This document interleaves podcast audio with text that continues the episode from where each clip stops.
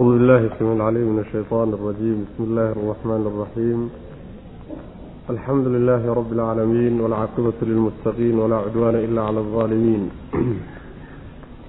وصل اللهم وسلم على نبينا محمد وعلى آله وصحبه أجمعين أما بعد فيقول سبحانه وتعالى ومن يقنت منكن لله ورسوله وتعمل صالحا نؤتها أجرها مرتين waactadnaa laha risqan kariima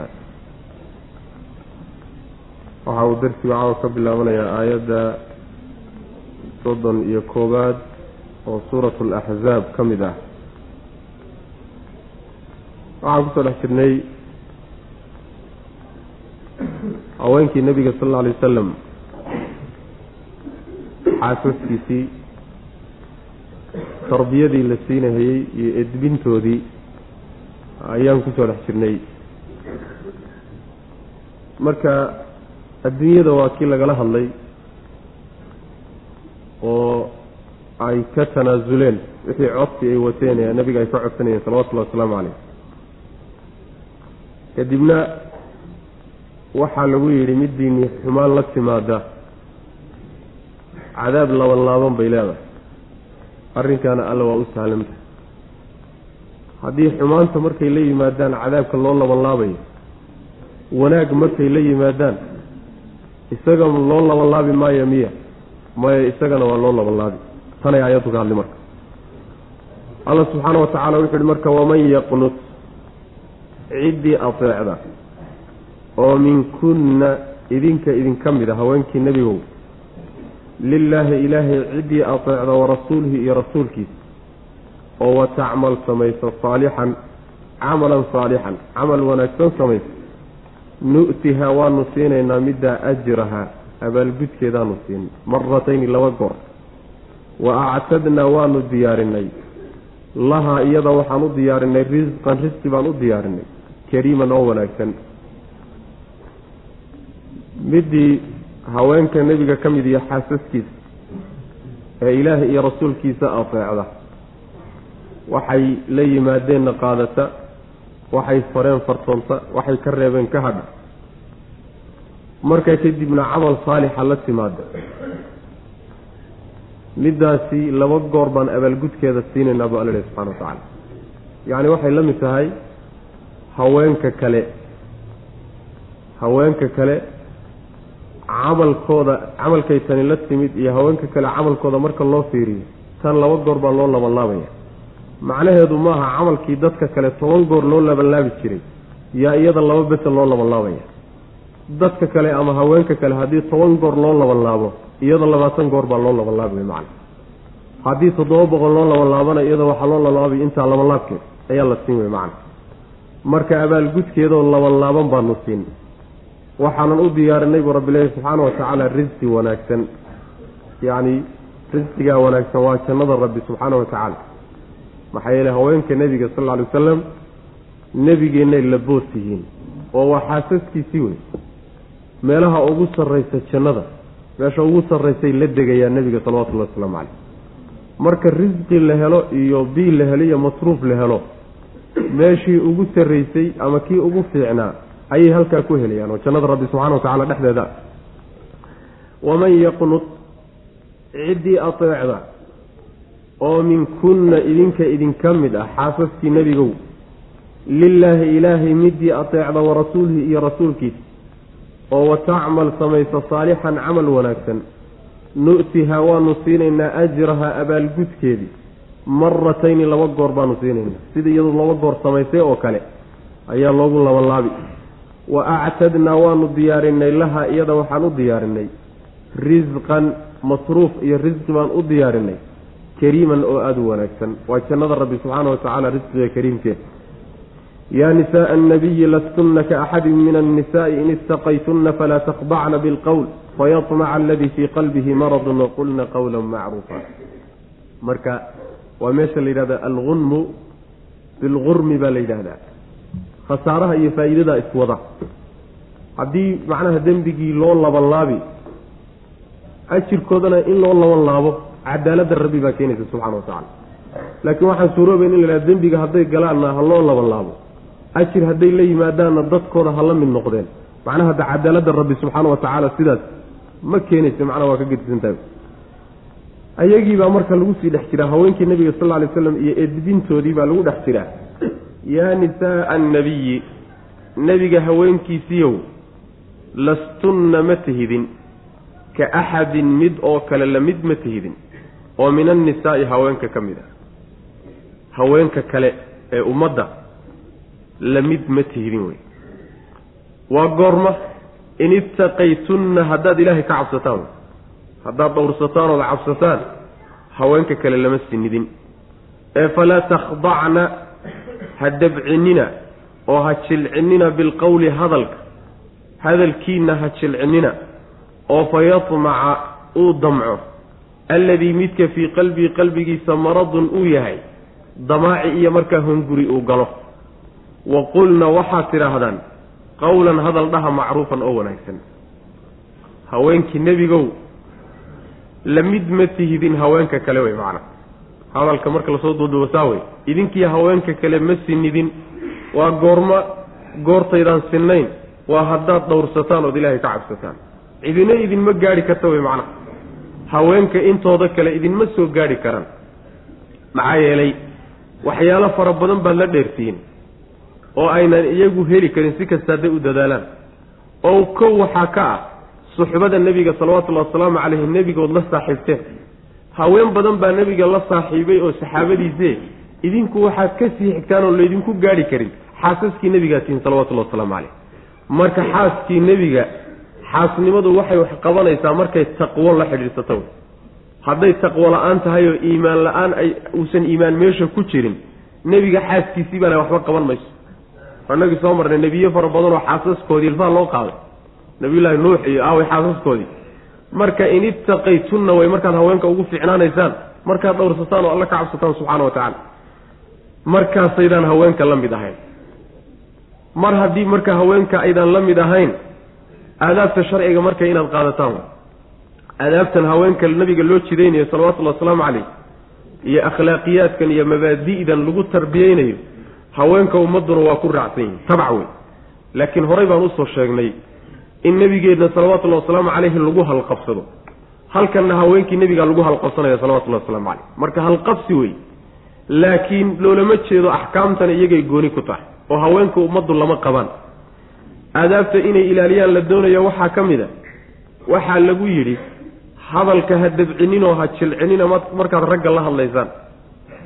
Yacni falaa takhdacna bilqowl hadalka oo la jilciyo oo la dabciyo oo waxoogaa naxariista laga muujiyo oo hadal ragga soo jiidan karo oo soo dumi kara qaab noocaasoo kale hadalka loo jejebiyo ayaa laga wadaa falaa takhdacna bilqowl oo haddaad raggii ajaanibtahaye idiin yimid hadalka u dabcisaan waxaa dhacaysa qaar badanoo qalbiga ka buka. Inuu hunguri galaba oo is yidhahda aleelaha waaba lagu rabaayo meesha waa lagaa soo dhaweynaya saas way macana qaar badanoo qalbiga ka jiran baa jira oo jirada qalbiga la sheegaya macnaha waa maradu shahwa la yidhahda cudurrada qalbiga ku dhacaa laba qaybood ah maradu shubha iyo maradu shahwa la kala yidhahda maradu shubha waxa weeye waxbaa daliil isu kaa tusiyey. Aan daliil ahayn. Shubha la yidhahda maradu shahwadana waxaa la yidhahdaa waa waxa jacaylka qalbiga ku dhace ee haweenka iyo yacni la sheekaysigooda iyo la xidhiidhkooda iyo yacni zinadooda iyo waxa jacaylka la xidhiidha ee qalbiga ku dhaca ayaa maradu shahwa la yidhaahdaa marka rag waxaaba jira qalbiga ka jirano mawduucaaba ka helo haween baan arki karin sidaa daraaddeed haddayba maqlaanba hadalkan dabacsan. Mooda hunguriba geliyo idinba hunguriyeyn baa meesha ku jira macna. Ragga noocaasa marka hungurigooda si loo gooyo hadalka ha dabcinina markaad ragga la hadlaysaan. Dayib miyaan caynaa marka? Hadal qallafsan oo ka kan oy ka cararaan maan ku dhahna oo cay ah maya kaana lama doonaye waqulna qawlan macruufa. Hadal la yaqaano oo kii caadiga ahaayee markaad guryihiina joogtaan iyo aad ku hadlayseen kaa kula hadla wey macna caytama ma aha macnaheedu aflagaadaya dadkana ma aha. Ee waxa weeye hadal caadiga ku hadla oo kii caadiga aad ugu hadli jirteena macna. Kii haweenka zaaniyaadka ah ee lagu yaqaano gogoldhaafka ragga ay ku soo jiidan jireen hadallada noocaasee aada u jilicsanna ka daaya hadallo kakan oo qallafsan oo dadka didiyana ha ku odhanina laakiin hadalka caadiga markaad iska joogtaan aada ku hadashaan hadal noocaasa kula hadla bu rabbilahi subxana wa tacala saas wey macana yacni waxay ka mid tahay aayaadka kutusaya qaacidada la yidhahdo saddu daraa'ic yacni ka hortag waxa la yidhahda sharcigu yaqaanaa. Alcilaaj maxaa la alwiqaayatu khayru min alcilaaj. Marka horeba ka hortag in la sameeyo oo waxaa laga hortegayaa zinada laga hortegaya qaababka sharcigu zinada uga hortegay bay ka mid tahay marka haweenku markay ragga la hadlayaan hadal dabacsan inaysan kula hadlin hadal dabac iyo jiljilaac ka muuqdo inaysan kula noqon macna. Oo aboowo iyo waxyaalo noocaas oo kaleeta hadallada aada gabdhuhu isticmaalaan waa hadalladan loo baahnayn wey macna. Wax ninkaba kutusaya inay gabadhu soo jiidanayso beerlaxawsi iyo yani waxa weye soo dhawaysti ka muuqdo waa inaysan ku hadlin macna. Hadalka caadiga inay kula khidaabto maxaa yeelay taasi hadday dhacdo waxoogaa qaarka iska jiran hunguri baa geli meeshaana xumaan inay ka timaado waa suurtagal macna. Yaa nisaaa annabiyi nebiga haweenkiisiiyow lastunna ma tihidin ka axadin ay ka jamaacatin koox oo kale ma tihidin oo min annisaa'i haweenka ka mid koox haweenka kale ah iyo idinku isku mid ma tihidin way macna. oo idinkaa ka sita wey goormaad ka sidataan in ittaqaytunna haddaad cabsataan ood alle ka cabsataanoo dunuubta iska ilaalisaan. maxaa yeelay haweenkii nebi maxamed baa tihin salawatullahi wasalaamu calayh taqwo haddaad ku darsataanna haddee cidima idinma hawaysan karto ninaba idin idinma gaadhi kara wey macana falaa takhdacna ha jilcinina marka bilqowli hadalka ha jilcinina aada ragga ajaanibtaa kula hadlaysaan. Hadalka jilicsan ninkaa mudan. Haweeneyda ninka ninkeedaa ka mudan hadalka jilicsan. Ragga ajaanibta laakiin kama mudna. Falaa takhdacna. Ha jilcinina bilqowli hadalka. Oo fayatmaca uu damco. Oo hunguriyeeyo. Alladii midka fii qalbii qalbigiisa maradun uu cudur ku yahay. Uu markaa hunguri galo oo idinka uu idin hunguriyeeyo iyo hadalkiinaa jilicsan maxaa yeele waxa soomaalidu tidhahda dhurwaagu ninkii kadaa yidhaahda iyo xaggiisa isu buusaa bay yidhahda hadalkaa jilicsan macnaha cid walba iska jecel. Waxoogaa waa loo soo leexan marka. Hadalkaa jilicsan baa marka la didi. Wa qulna waxaad tidhahdaan buu rabbi yihi subxaana wa tacaala haweenkiiow qawlan hadal macruufan oo la yaqaano. Hadalka curfigae caadigae markaad caadiga tihiin ku hadashaan hadalkaa kula hadla wey macnaa oo kula khitaaba. Markii ay dan aad kala yeelataan rag ajaaniba ood isu bahataan inaad wada hadashaan wey macnaa hadal markuu inuu idin dhex maro ay noqoto wey. Taasi waa mid waqarna fii buyuutikuna walaa tabarajna tabaruja aljaahiliyati aluulaa waaqimna asalaata waaatiina azakaata waaطicna allaha warasuulah inamaa yuriidu allahu liyudhiba cankum alrijsa ahla albeyt wayutahirakum tahiira waxaa aada hadda loogu tababaraa hadallada noocan oo kale saa u dabacsan haweenka yacni yani haniyaadka kuwa heesa fanaaniinta ah iyo kuwa xafiisyada la fadhiisiiyo iyo kuwa ka shaqeeya diyaaradaha dhexdooda iyo meelaha macnaha dadweynaha lagu soo jiidanayo kuwaasaa aada u yaqaano fanka noocan ah. Fanka noocan macnaha hadalka ragga lagu soo jiido kuwaasaa aada u yaqaano ee la xarxardhe la qurqurxiyo. Haween badanoo haweenkii muslimaadka ka midana waa ku kadsoomeen nasiibxumo macnaha aada bay u kadsoomeeno waa lagu dayday oo kuwaasaa layskaga raacay. Waxaan kaata ma fiican yahay ma xun yahay maxaa ka imaan? Iyadoon laisweydiininba ayaan macnaha iska garbatabsannay waqarna sugnaada fii buyuutikunna guryihiinna ku sugnaada haweenkii nebigu. walaa tabarajna quruxdiinna ha bixinina oo ha muujinina quruxdiinna. tabaruja aljaahiliyati jaahiliyada muujinteedii oo kale al-uulaa ee horreysay. jaahiliyadii hore siday quruxdooda u muujin jiroo kan oo kale quruxdiinna ha u muujinina.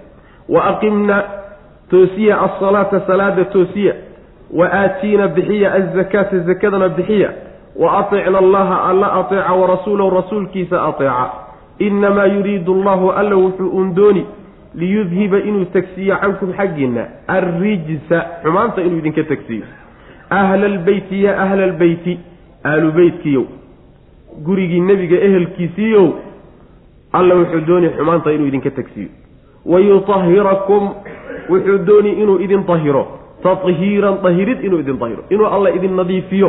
Oo xumaan oo dhan idinka nadiifiyuu doonayaa wuxuu saa idinku jidaynaya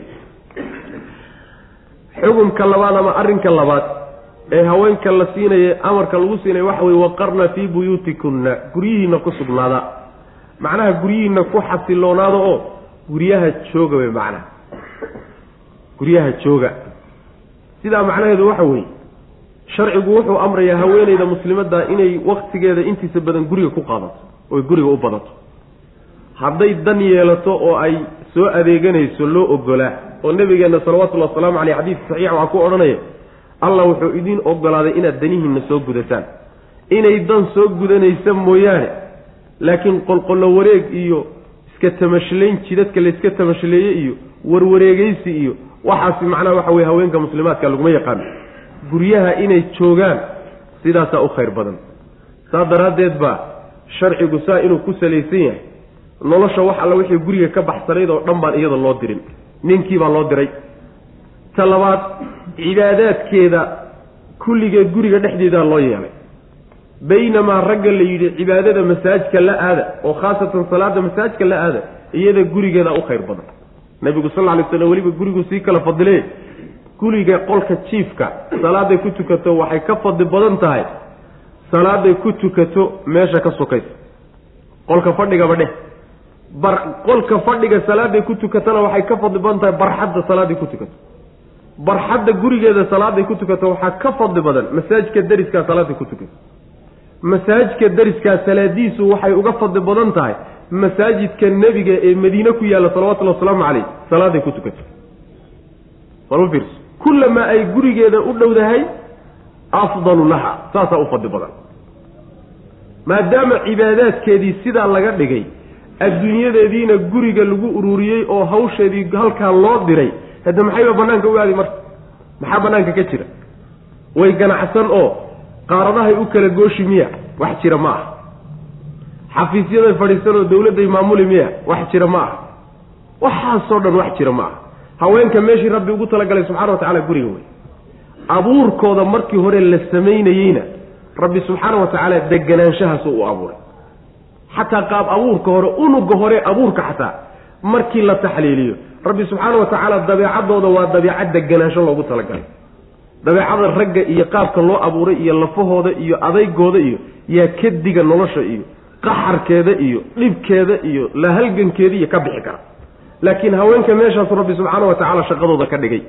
Allah marka abuurtay rabbigii abuurtay baana amarkaa siiyeyo maslaxadu halkaasay ku jirtaa. Laakiin la kari waayo gaala intay dhegta wax inoo saartay baa waxay tidhi war gurigan kadaata sidiisaba waa xabisa maogti waa sijni bay gabdhihii ku dheh waa laydinku addoonsanayaa rag baa meesha idinku xidhay ka soo baxa oo kaalay nolosha caamka ka qayb qaato oo dawladdii ka qayb qaato oo baarlamaankii ka qayb qaato oo kaalaya macnaha waxa weye jamciyaadkii hay'aadkii wax ka maamulo xafiisyada fadhiisto ilaa aakhiri. Maxaa meesha idin dhigay?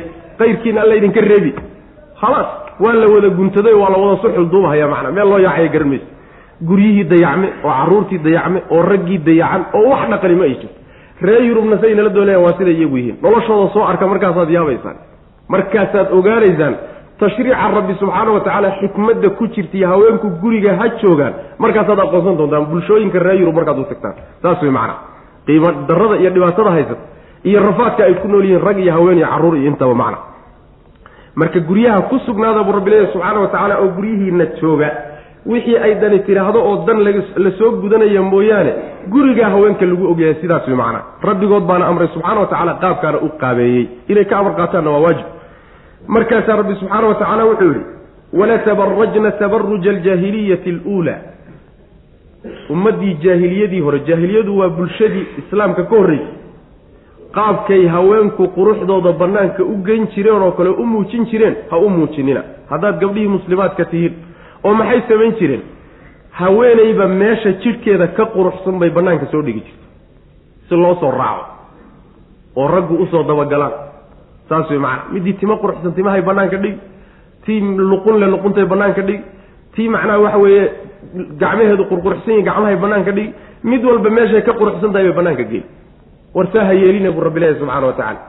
Astura waxan kadaata waa wax qaali ahe ha la qariyo oo wixii jaahiliyaadka ahayee diinlaawayaasha ahayee mabda aan lahayn kuwaasoo kale qaabkoodii ha u dhaqmina wey macna. Waa siday haweenkeennu hadda yihiin macna. Saas wey timii baa iska muuqdo luquntii baa muuqato gacmihii baa muuqdo lugihii baa muuqdo bal waxa weeye hawshii hoosaa mar marka qaarkood iska muuqanaysa waxyaalaha cajiibkaa bay ka mid tahay dhar meel laynooga keenay aadan garanaynin inta loo xidhay oo magacyo badan loo bixiyo kuwii nebigu sheegay salawatullahi wasalaamu caleyh kaasiyaatun caariyaat dharna waa qabaan waana qaawan yihiin. Kuwii nebigu sheegay aakhiru zamaanka inay imaan doonaan kuwiibaa haweenkeenna noqday ciyaadan billah marka haweenkii ha laga dadaalo oo gabdhihii iyo xaasaskii ha laga dadaalo oo ha la xijaabo gabadhu ama gurigeeda ha joogto ama haddii kaleeto markay baxayso xishmad ha ku baxdo oo iyadoo xijaaban oo yacni waxa weye xishoonaysa oo aadaabtii sharciga ilaalinaysa ha soo dangudato markay bannaanka dan uga baxdo. Haddii kale gurigeeda ha joogto. Wixii intaa udhexeeya soo maa islaamnimo ma aha. Saas wey macana wax sharciga rabbi subxaana wa tacaala ka baxsan wey waana dhaqamadii jaahiliyada iyo dhaqamadii gaalada ee dhaqan islaan ma ah. Saas wey macana waxyaalaha la amray waxaa ka mid a haweenka salaada toosiya lay oo salaada hagaajiya zakadana bixiya alla iyo rasuulkiisana ateeca oo ka amar qaata saasay dantu idinku jirtaa allah subxaana wa tacaala wuxuu uun doonayaa haweenkii nebigiiyo guryihiisiiyow aalubeytkiiyow waxyaalaha alla idiin jidaynayo wuxuu uun doonayaa inuu xumaanta idinkaga tegsiiyo idinkaa laydinku danayn wey macna. Xumaanta waa sharka iyo dembiga iyo wax alla wixii xun oo dhan alla inuu idinkaga tegsiiyo ayuu alle waxyaalaha qiimaha badan iyo axkaamta iyo mabaadi'da idinku jidayn. Waxaa kaloo alla subxaana wa tacaala idinku jidaynaya inuu idin nadiifiyuu doonaya. Qalbigiinna inuu nadiifiyo oo xumaan ka nadiifiyo. Akhlaaqdiinna inuu nadiifiyo. Dhaqankiinna inuu nadiifiyo. Inaad dad nadiifa noqotaan saasuu rabbi idinla doonaya subxaana wa tacala laakiin dad wasakda ku dhex jira oo qurunka dhex dabalanaya oo akhlaaqda xun iyo midda wanaagsan ayna u kala gedisnayn sidaa rabbi idinlama doonayo subxaana wa tacaala. Si qiimo leh oo wanaagsan buu rabbigiin idinla rabaaye idinkaana laydinla laydiin danayne alla idinkuma danaysanaya saa yeela wey macna. Waqarna sugnaada haweenkiiyow fii buyuutikunna guryihiinna ku sugnaada. Walaa tabarajna quruxdiinnana ha muujinina. Tabaruja aljaahiliyati jaahiliyada muujinteedii oo kalete al-uulaa ee horreysay. Jaahiliyadii idinka horreysay ee noloshiina qeyb ka midaba aada ku soo qaadateen wey macnaha ilan qeyb bay jaahiliye soo ahaayeen. Jaahiliyadaasi siday quruxdooda u muujin jireen oo kale quruxdiina ha muujinina. Jaahiliyadii al-uulaa ee horreysay wa aqimna toosiya asalaata salaada toosiya wa aatiina bixiya azakaata zakada bixiya. Wa aticna allaha allana ateeca wa rasuuluhu rasuulkiisa ateeca. Inamaa yuriidu allahu alla wuxuu undooni liyudhiba inuu tegsiyo cankum xaggiina arrijsa xumaanta inuu idinka tegsiyo ahla albeyti gurigii nebiga ehelkiisiiyow wayutahirakum inuu idin dahiro ayuu alla dooni tahiiran dahirid ahlu beytka yaa laga wadaa marka. Inamaa yuriidu allahu liyudhiba cankum arijsa ahla albeyti ahlulbeytkaasi yaa wey laba macnoba mufasiriintu way sheegaan. Macna waxa weeye ahlubeytkani waa xaasaska nebiga salawatullahi wasalaamu caleyh macnaha waxaa u markhaati kacaya aayadaha hadalka soo socday xaasaskii nebigu ka hadlayay soo maa yaa nisaaa annabiyi lastunna ka axadin min annisaa. Hadalku iyagu u dhacayay waxaa laga soo hadlayay iyaga wey. Aayaddan marka laga baxana aayadda ka dambaysa iyagiibaa weli laga hadlaya wadkurna maa yutlaa fii buyuutikunna min aayaati illahi waalxikma waa iyagii wey. Ilan guryahooda dhexdooda ayuu waxyu ku soo degaya. Maadaama aayaadka horena iyaga ay yihiin aayaadka dambana dambena iyaga ay yihiin ahlulbeytku waa iyaga wey.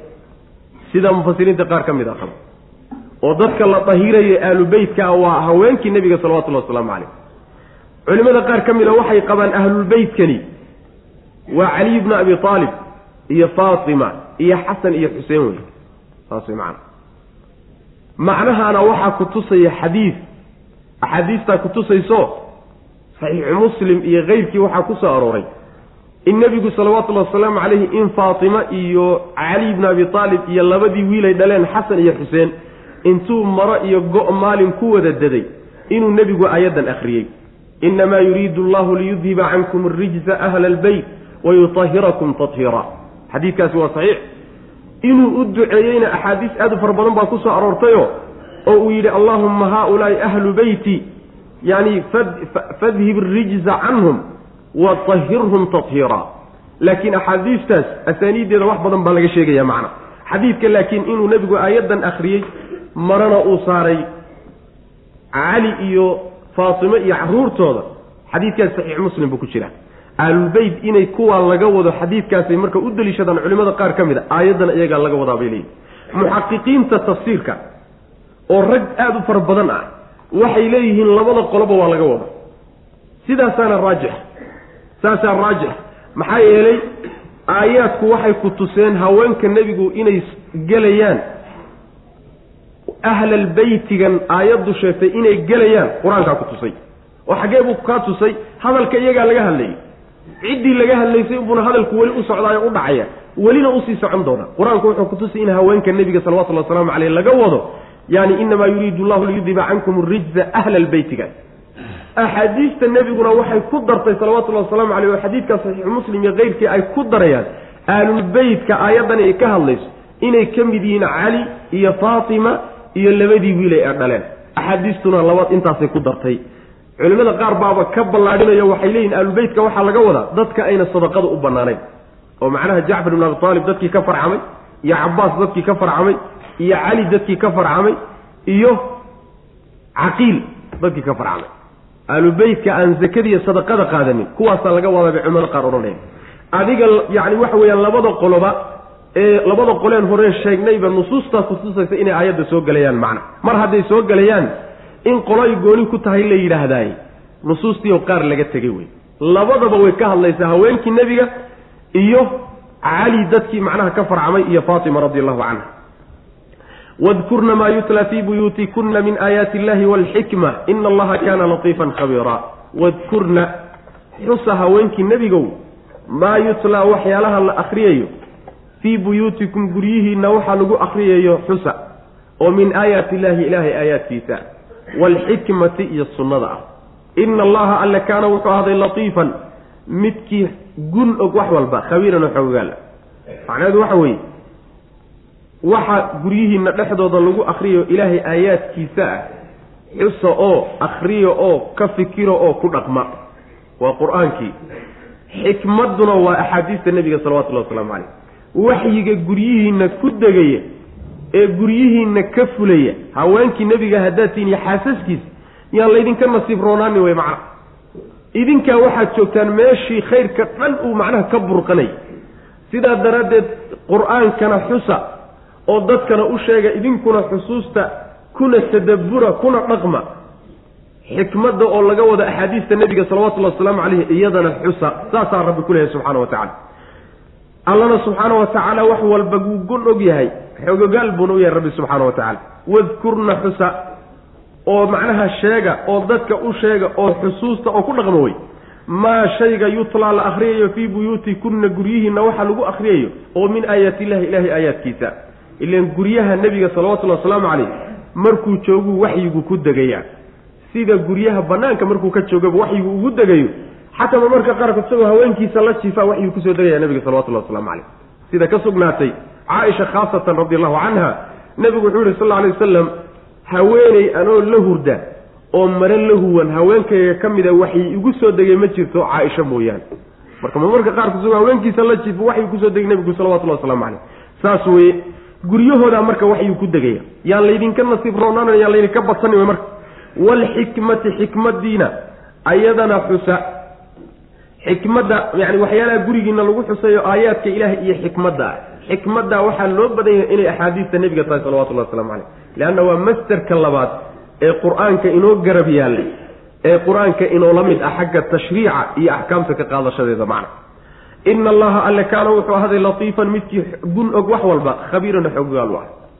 Ina almuslimiina waalmuslimaat waalmu'miniina waalmu'minaat waalqaanitiina waalqaanitaat والصادقين والصادقات والصابرين والصابرات والخاشعين والخاشعات والمتصدقين والمتصدقات والصائمين والصائمات والحافظين فروجهم والحافظات والذاكرين الله كثيرا والذاكرات أعد الله لهم مغفرة وأجرا عظيما إن المسلمين هجان سنياش الرقع والمسلمات هجان سنياش هوانكع والمؤمنين رق الرميي waalmu'minaati haweenka rumeeyey waalqaanitiina ragga adeecay alle waalqaanitaati haweenka adeecay wasaadiqiina ragga runta sheegay iyo wasaadiqaati haweenka runta sheegay wasaabiraati ragga sabraya iyo wasaabiraat wasaabiriina ragga sabra ee sabirka lagu yaqaano sabrayaasha wasaabiraati iyo haweenka sabra waalkhaashicaati ragga khushuuca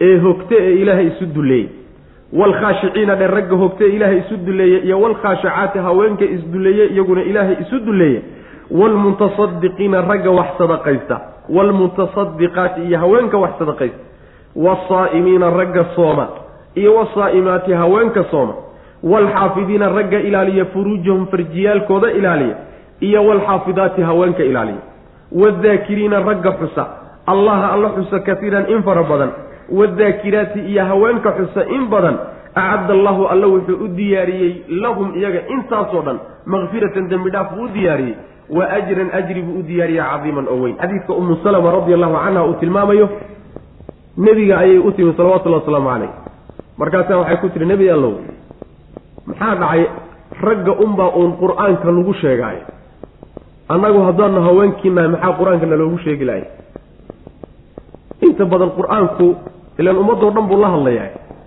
Laakiin siiqada uu adeegsado waa ragga qaabka loola hadlou adeegsadaa macnaa haweenkuna waa ku jiraan macnaha. Markaasaa waxay tihi ragga un baa la sheegi annaga maxaa naloo sheegi lahay aayaddanu markaa alla soo dejiyey subxaana wa tacaala. Laysku daba xidhay tilmaan walboo raggu lahaayeen baa haweenkiina la daba dhigay.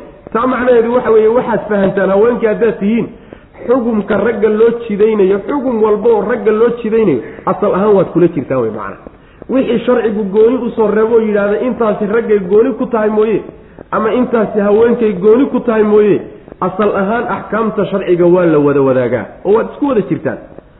Raggaana la cabiray oo inta badan qur'aanku uu cabiraa macna.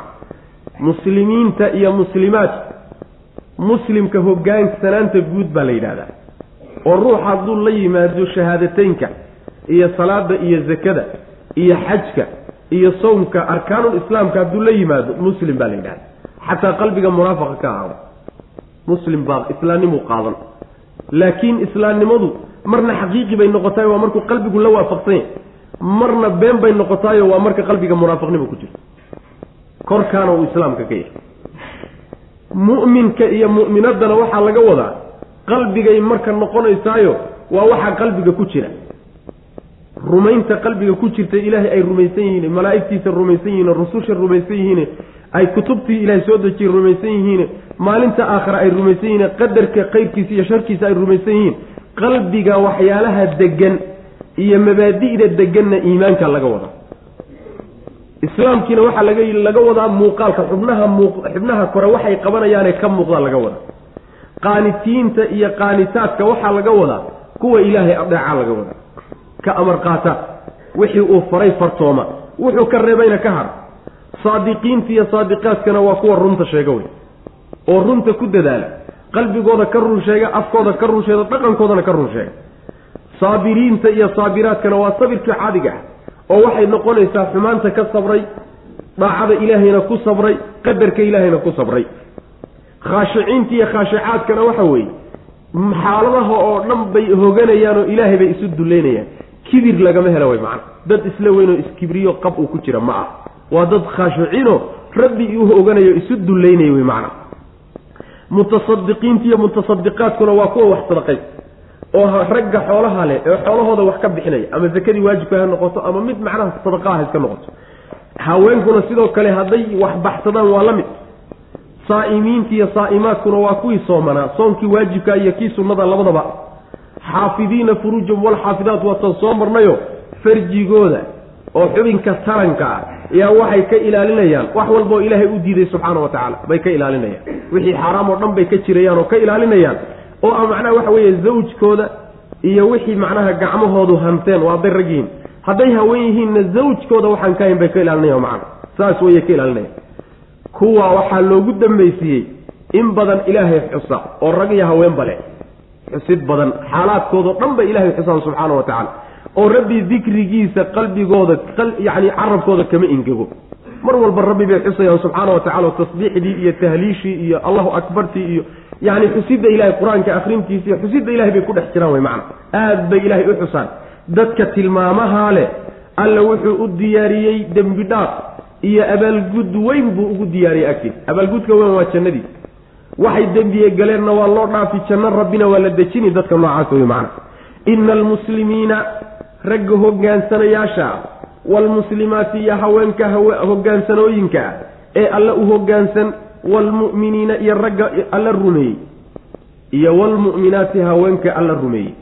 Waalqaanitiina ragga alla adeecay waalqaanitaati iyo haweenka alla adeecay waasaadiqiina ragga runta sheegay ee runta ku dadaala waasaabiqaati iyo haweenka iyaguna sidoo kale runta ku dadaala waasaabiriina ragga sabra. Iyo wasaabiraati haweenka sabree adkaysiga lagu yaqaano waalkhaashiciina kuwa khushuuco oo isdulleeyo oo isliida. Oon iskibrinin oo ragga ah. Waalkhaashicaati iyo haweenka iyaguna isliida oo isdulleeyo alle isu liida. Waalmutasadiqiina ragga wax sadaqaystee xoolahooda wax ka bixiya. Waalmutasadiqaati iyo haweenka iyaguna xoolahooda wax ka bixiya waasaa'imiina ragga sooman ee alla u sooma. Wasaa'imaati iyo haweenka alla darti iyaguna u sooma. Waalxaafidiina ragga ilaaliya furuujahum farjiyaalkooda ilaaliya xubinka taranka ilaaliya oo xumaanta iyo zinada ka ilaaliya. Waalxaafidaati iyo haweenka sidoo kale iyaguna furuujtooda ilaaliya. Wadaakiriina iyo ragga xusa allaha alla xusa katiiran in fara badan oo aan carabkooda ka dhigin oo mar walba xusuusta. Wadaakiraati iyo haweenka sidaas oo kale iyaguna alla aada u xusa acadda alla waa acadda wuu diyaariye allahu alle lahum iyaga wuxuu diyaariyey makfiratan dembi dhaaf wa ajran iyo abaalgud cadiiman oo weyn ayuu alla u diyaariyey subxana wa tacala sidaas wey marka haweenkii marka lahaa qur'aanka maxaana loogu sheegi waayey halka ha ku qalbifayobaadeen wey macna waxaba yaraatee liidid la yidhahdo sharciga ilaahay ma yaqaano kanina haween weeye tanuna rag weeye abaalgudka haweenka ha loo yareeyo wax la yidhahda ma jirto saas wey macana ruux walba niyaduu kula yimaado iyo qaabku sharciga u waafaqsan yahay camalkiisaasi unbuu abaalgudka ku yeelanaya. Sidaa daraaddeed waxaa badan haween badan oo raggu ayna gaari karin. Saas wey caaisha yaa gaari kara. Yaa inaga mid oo caaisho gaari karay. Ma jirta wey macana haweenkii nebiga yaa gaari karayo caabidaadkii yaa gaari kara. Lama gaari karayo wey macana marka rag badan baan haweenka gaari karin oo cibaadadoodii iyo taqwadoodii iyo abaalgudka aakhare ay ku heli doonaan aan gaari karaynin nin walbaba wuxuu la baa lagu abaalmarin wey macana ee waxa la yidhahdaa haweenka si gooniya ha loo fangoro oo hangool dheer ha lagu qabtaaye ma jirto wey macnaa sharciga ilahi subxana wa tacala kuma jirto. Wma kana limuminin walaa mu'minatin ida qada allahu warasuuluhu amran an yakuna lahum alkhiyaratu min amrihim waman yacsi allaha warasuulahu faqad dalla dalaala mubiina. Wama kaana ma ahaanin. Limuminatin limu'minin nin mu'mina uma ahaanin. Walaa mu'minatin haweene iyo haweenayd mu'minad adsoona. Idaa qada allaahu hadduu ilaahay xukmiyo. Warasuuluhu rasuulkiisu hadday xukmiyaan amran arrin ma ay lahaa kuwaa la soo sheegay an yakuuna inay ahaato lahum iyaga alkhiyaratu doorqaadasho. Min amrihim arrinkooda ay ka door qaataan waman yacsi llaha ninkii alla caasiya warasuulahu iyo rasuulkiisa faqad dalla kaasi wuu lumay dalaalan lumitaan mubiinan oo aada u cad. Aayaddu waxay ku soo degtay baa la leeyahay nebigeenna salawatullahi wasalaamu calayh ayaa wuxuu u doonay mawlihiisii uu xoreeyey ee zayd ibnu xaarisa wiilkana uu ka dhigtay jaahiliyadii oo yacni suuradda awalkeeda masaladan kaga soo hadallay ahayd yuu nebigu wuxuu u doonay gabadh eedadii ay dhashay oo qurashiyad ahayd oo la odhan jiray zaynab binti jacsh yuu nebigu ugu fadhiistay salawatullahi wasalaamu caleyh wuu u doonay gabadhii ilan waa gabadh qurayshiyad ah wey. Ninkanuna zaydkuna wuxuu ka mid yahay dadkii addoommada ahaan jiree la xoreeyey dadka noocaas oo kaleetana waa la yasi jiray. Dadka la liiday en loo guurinin ee laga guursanin bulshada dhexdeeda saasay ahay nebigu marka zaynabo ayuu yidhi guurso zayd baan macnaha doonaya inaan kuu guuriyo. Waxoogaa marka iyadii eheladeedii iyo way ka yara way saluugeen. Gabadh reer qureysheed ah see baa nin addoon ahaan jira oo la xoreeyey loogu guurin. Arrinkaasaa meesha ka soo baxay. Aayaddana marka soo degtay. Ayadoo xaaladdu halkaa marayso iyo aayaddu soo degtay waxaa marka la leeyahay nin mu'min ah iyo gabadh mu'minad ah haddii ilaahay iyo rasuulkiisu ay amar bixiyaan oy amar guddoomiyaan maba ay lahaba kamana suurowdo.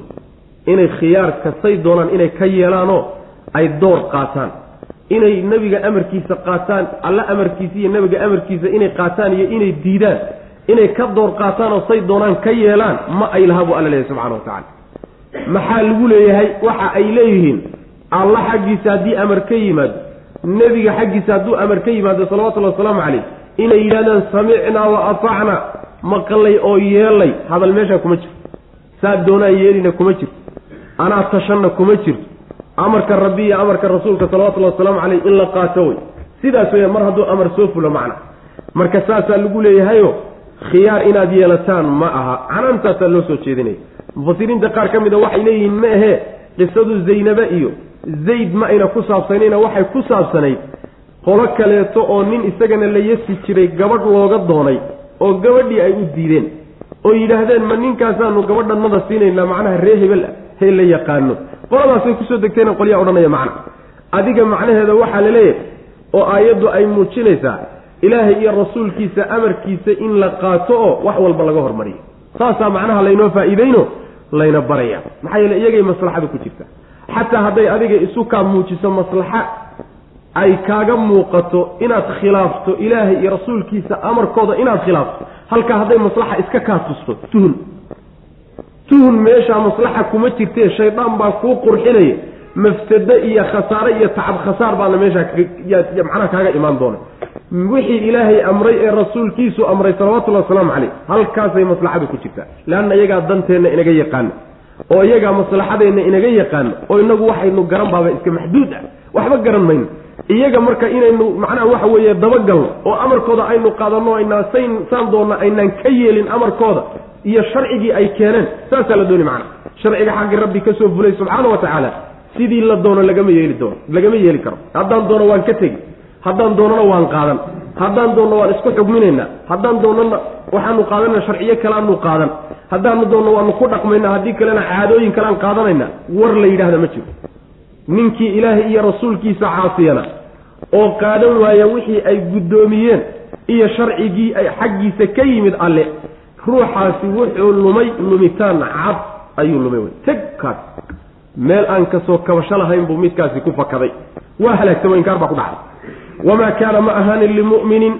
Mu'min uma ahaanin. Walaa mu'minatin. Aayaddu marka waxay ina baraysaa marba haddii layna yidhaahdo nebigaa yidhi oo waa sunne e hala joojiyo. Dadka qaar badan baa marka la yidhahdo nebigaa saa yidhi oo nebigaa amray salawatullhi wasalaamu caleyh war waa iska sunne inaga daaya sayn dooneenu ka yeelaynaa miyaa laysku cadaabi bay ku odhanaya? Miyaa laysku cadaabi? War nebi maxamed baa amray salawatullahi waslamu caleyh haddayna maslaxa ku jiri lahaynna maba uusan amreenba isagaa ummadda fudaydka la jeclaa nebigu salawatullahi wasalaamu caleyh wuu inaga dayn lahaa. Laakiin maslaxo ku jirteed darteed baa laynoo amray. Waa sunno iyo way iska fududdahay iyo ha la joojiyo ha la qaato amarka nebiga salawatullahi waslamu caleyh iyo sharciga amarkiisa ha la qaato. Saasay maslaxada ku jirtaa.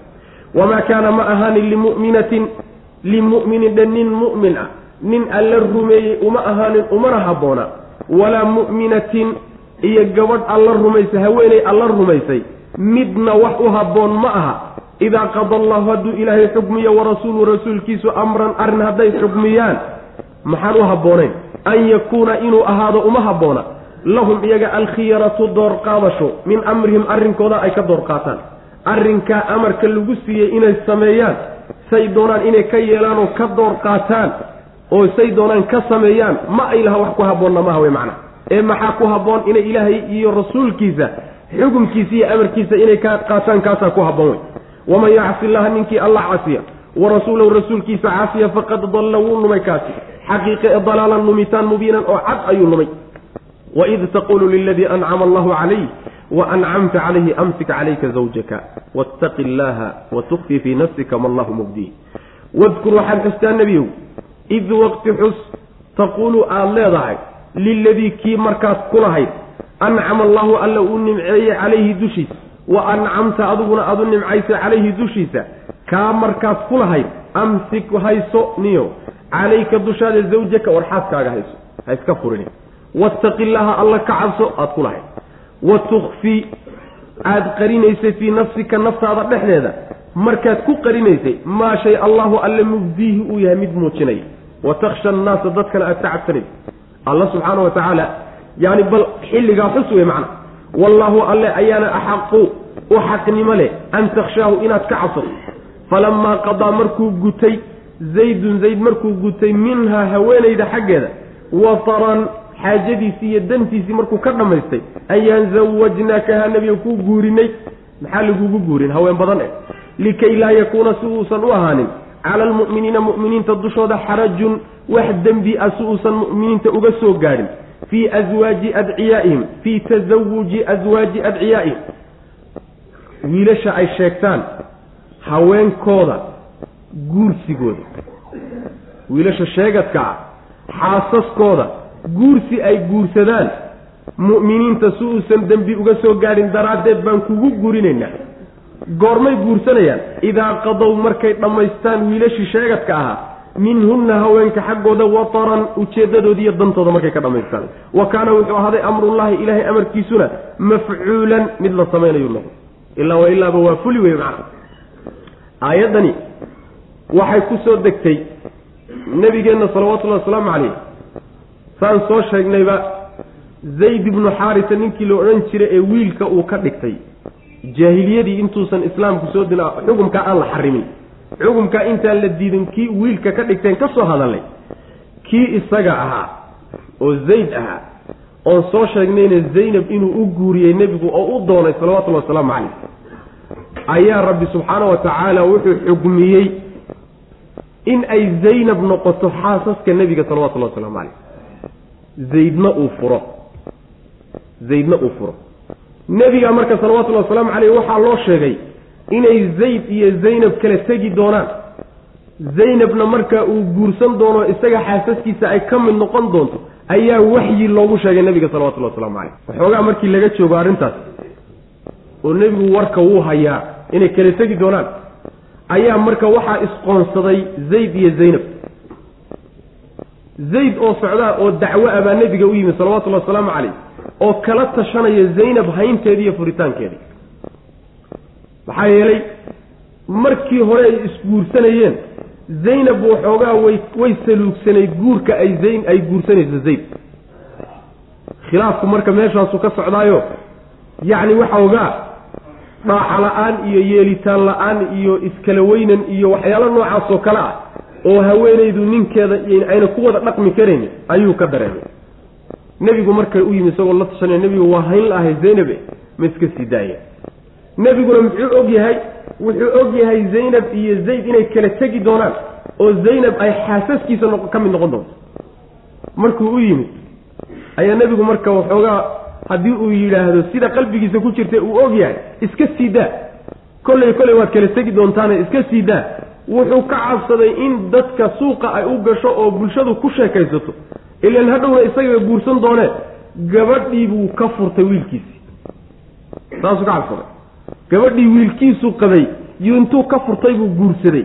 Saasuu nebigu ka cabsaday salawatullahi waslamu caleyh dacayadaas bulshada ka imaanaysa markaasuu zayd wuxuu kula teliyey war ilaahay ka cabso xaaskaaga hayso. Xaaskaaga iska hayso. Oo isaga dulqaado isaga adkiisu ku yidhi intaasi markay dhacday baa marka aayaadka qur'aankii soo degeen oo nebiga salawatullahi wasalaamu caleyh lagu canaananayo arrintiina lagu muujinayo zaynabna nebiga loogu guurinayo salawatullahi wasalaamu caleyh waxaa rabbi marka yidhi subxaana wa tacaala waxaad xustaa nebiyow markii aad ku lahayd kii aad u kii uu ilaahay u nimceeyey waa zayd. Waa zayd oo aayaddaaba dib ka sheegtay. Allaa u nimceeyo islaamnimo ugu nimceeyey. Adiguna waad u nimcaysay oo muxuu nebigu ugu nimceeyey zayd wuxuu ugu nimceeyey wuu xereeyey nebigu salawatullahi wasalaamu caleyh nicmada uu nebigu u galaya galladiisuna taasay ahay ninkii nooca ahaa markaad ku lahayd bal xusuuso xaaskaaga hayso warniyahu ilaahay ka cabso reerkaaga hayso. Haye? Qalbigaaga wax ku jiraadna markaa qarinaysaa saa markaad leedahay. Nebigaa lagu jeeda salawatullahi waslamu caleyh waxa qalbiga nebiga ku jira uu qarinayo maxay tahay ogaanshaha uu og yahay inuu zaynab guursan doono wey taasuu qarinaya. Waxa uu qarinaya qalbigaaga uu ku jirana waa wuxuu ilaahay muujin doono oo ma qarsoonaan doono. Oo muxuu yahay? Waa guursiga zaynab uu guursaday rabbi baana dib ka muujiyey oo markuu zayd furayba rabbi baa toddoba samo korkooda ka soo guuriyey zaynab. Waxaan qarsoonaan doonin oo qalbiga aada hadda ku haysato rabbi se muujin doono yaad qarsanaysay markaasaan kulahayd zayd haye dadkaadna ka cabsanaysay buu rabbi ku yidhi subxana wa tacala waxa qalbiga ku jira naftu ku sheekaysanaya buu rabbi subxaana wa tacaala banaanka soo dhigi. Waxaa arrinkaa kugu kalifaya cabsi iyo xishood dadka aad ka xishoonaysa alla inaad ka xishootood ka cabsataa mudnayd. Saasaa mudnaanta ahaydo rabbi baa u xaqnimo lahaa inaad ka cabsatood ka xishooto dadka markaad fiirinaysa macnaa iyo xishoodkood zayd markuu dantiisii ka dhammaysto uu furayna waanu kuu guurinay buu alla yidhi subxaana wa tacaala. Yaani waa guur aan dhulka ka dhicine kor ka dhacay. Toddobada samo korkoodaa laga soo guuriyey zaynab. Saa daraaddeed bay haweenka nebiga ugu faani jirtay oo waxay dhihi jirtay zawajakunna ahaaliikunna wa zawajanii allahu min fawqi sabci samaawaat. Reerihiinna iyo aabbayaashiin baa idinka idin guuriyey.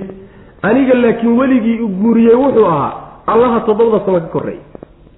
Kaasaa aniga i meheriyo i guuriyey saasay ugu faani jirta haweenka nebiga sal lla lay slam intooda kale.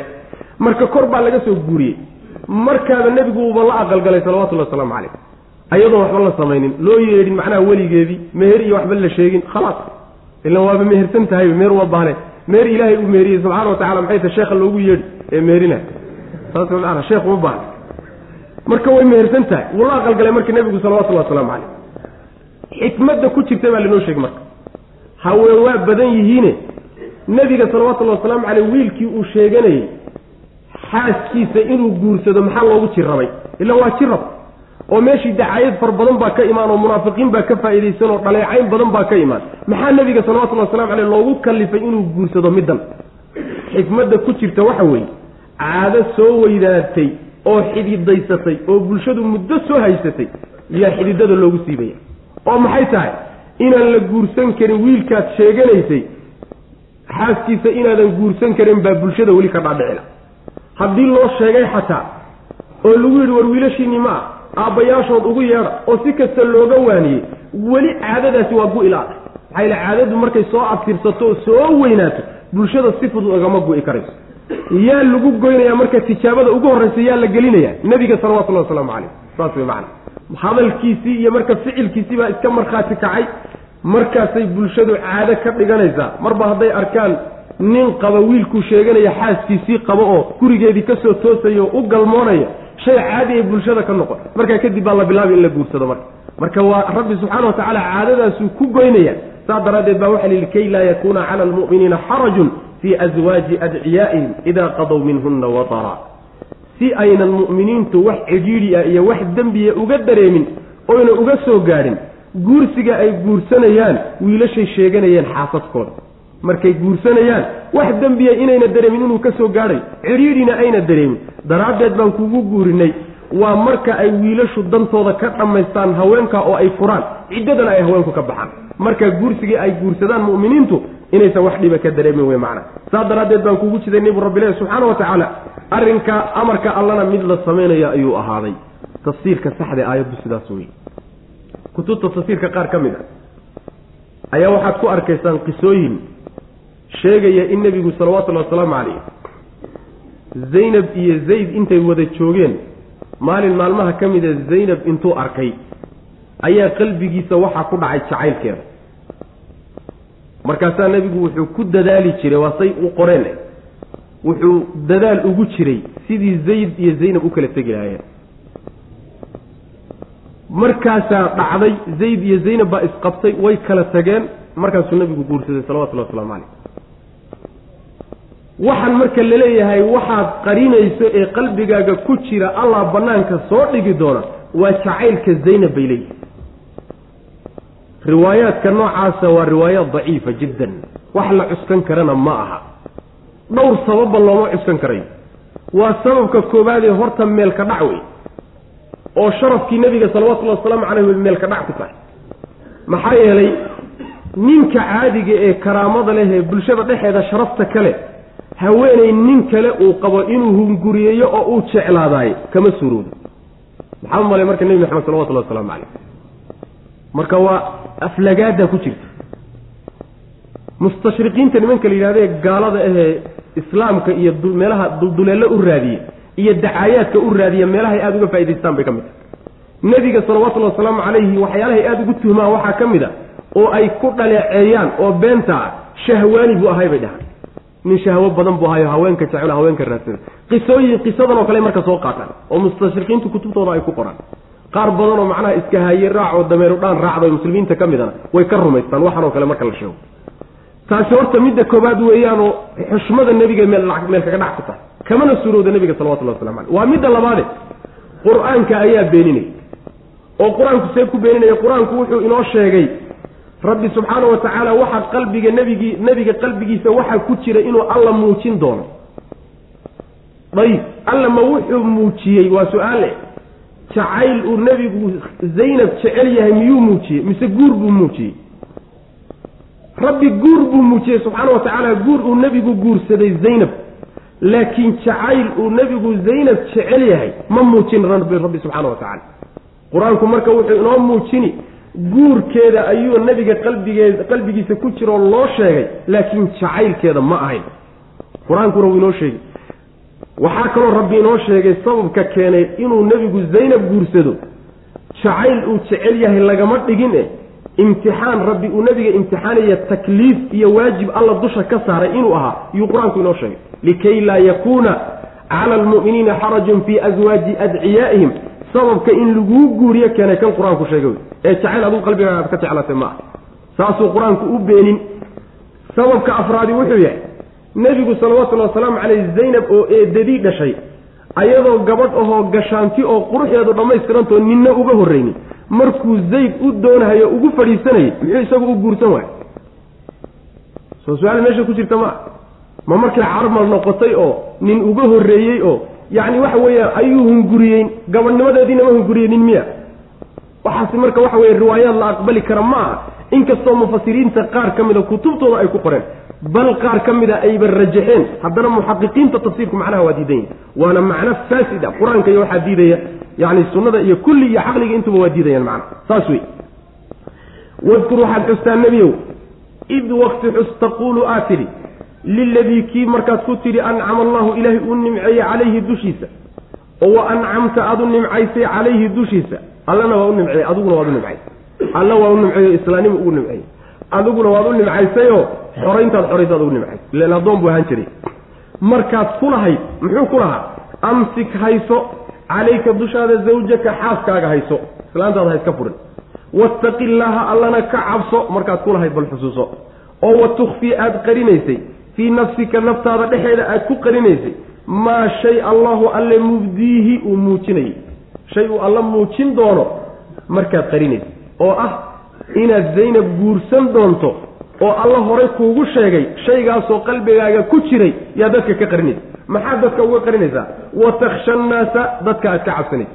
Xishood iyo ama lagu dacaydeeya iyo wax kaa soo gaadhaan iyo ila aakhiri wallahu alle ayaa xaqu u xaqnimo leh an takhshaahu inaad ka cabsatana allah u xaqnimo leh. Dad inaad fiirisa ma ahee waa inaad rabbigaa fiiri subxaana wa tacaala dhankiisa. Falamaa qadaa markuu gutay zaydun zayd markuu gutay minha zaynab xaggeeda wataran dantiisii markuu ka gutay oo uu ka dhammaystay oo uu furay ciddadeediina ay dhammaysatay wey. Ayaan zawajnakaha kuu guurinay nebiyow. Zaynab ayaan kuu guurinay.